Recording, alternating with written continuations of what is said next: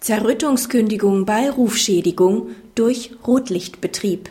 Wird das Mietverhältnis durch diffamierende und grundlose Behauptungen des Vermieters nachhaltig beeinträchtigt, kommt eine fristlose Kündigung durch den Gewerberaummieter auch ohne Abmahnung in Betracht.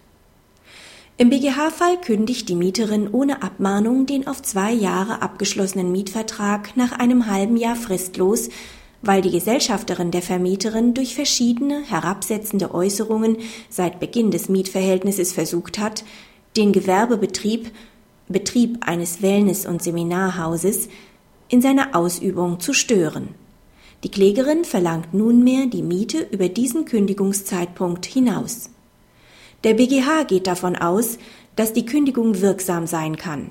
Ein fristloses Kündigungsrecht des Vertrags steht einem Vertragsteil nach 543 Absatz 1 BGB zu, wenn infolge des Verhaltens des anderen Teils das notwendige Vertrauensverhältnis zerstört ist und eine Fortsetzung des Vertragsverhältnisses nicht mehr zugemutet werden kann. Dies ist im Einzelfall unter Abwägung aller Interessen der Vertragsparteien festzustellen.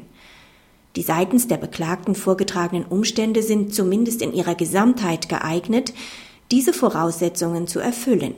Denn durch die der Klägerin über ihre Gesellschafterin zuzurechnenden Äußerungen hat die Klägerin ohne anerkennenswertes Eigeninteresse ihre sich aus dem Mietvertrag ergebenden Nebenpflichten in erheblichem Maß verletzt. Eine Abmahnung ist unter diesen Umständen nicht erforderlich, weil das Vertrauensverhältnis infolge Zerrüttung ohnehin nicht wiederhergestellt werden kann. Praxishinweis. Der BGH verweist das Verfahren zurück, weil das Oberlandesgericht zu hohe Anforderungen an das Vorliegen eines wichtigen Grunds gestellt und zudem von einer Beweisaufnahme abgesehen hat, weil es den Vortrag der Beklagten nicht für ausreichend substanziiert gehalten hat.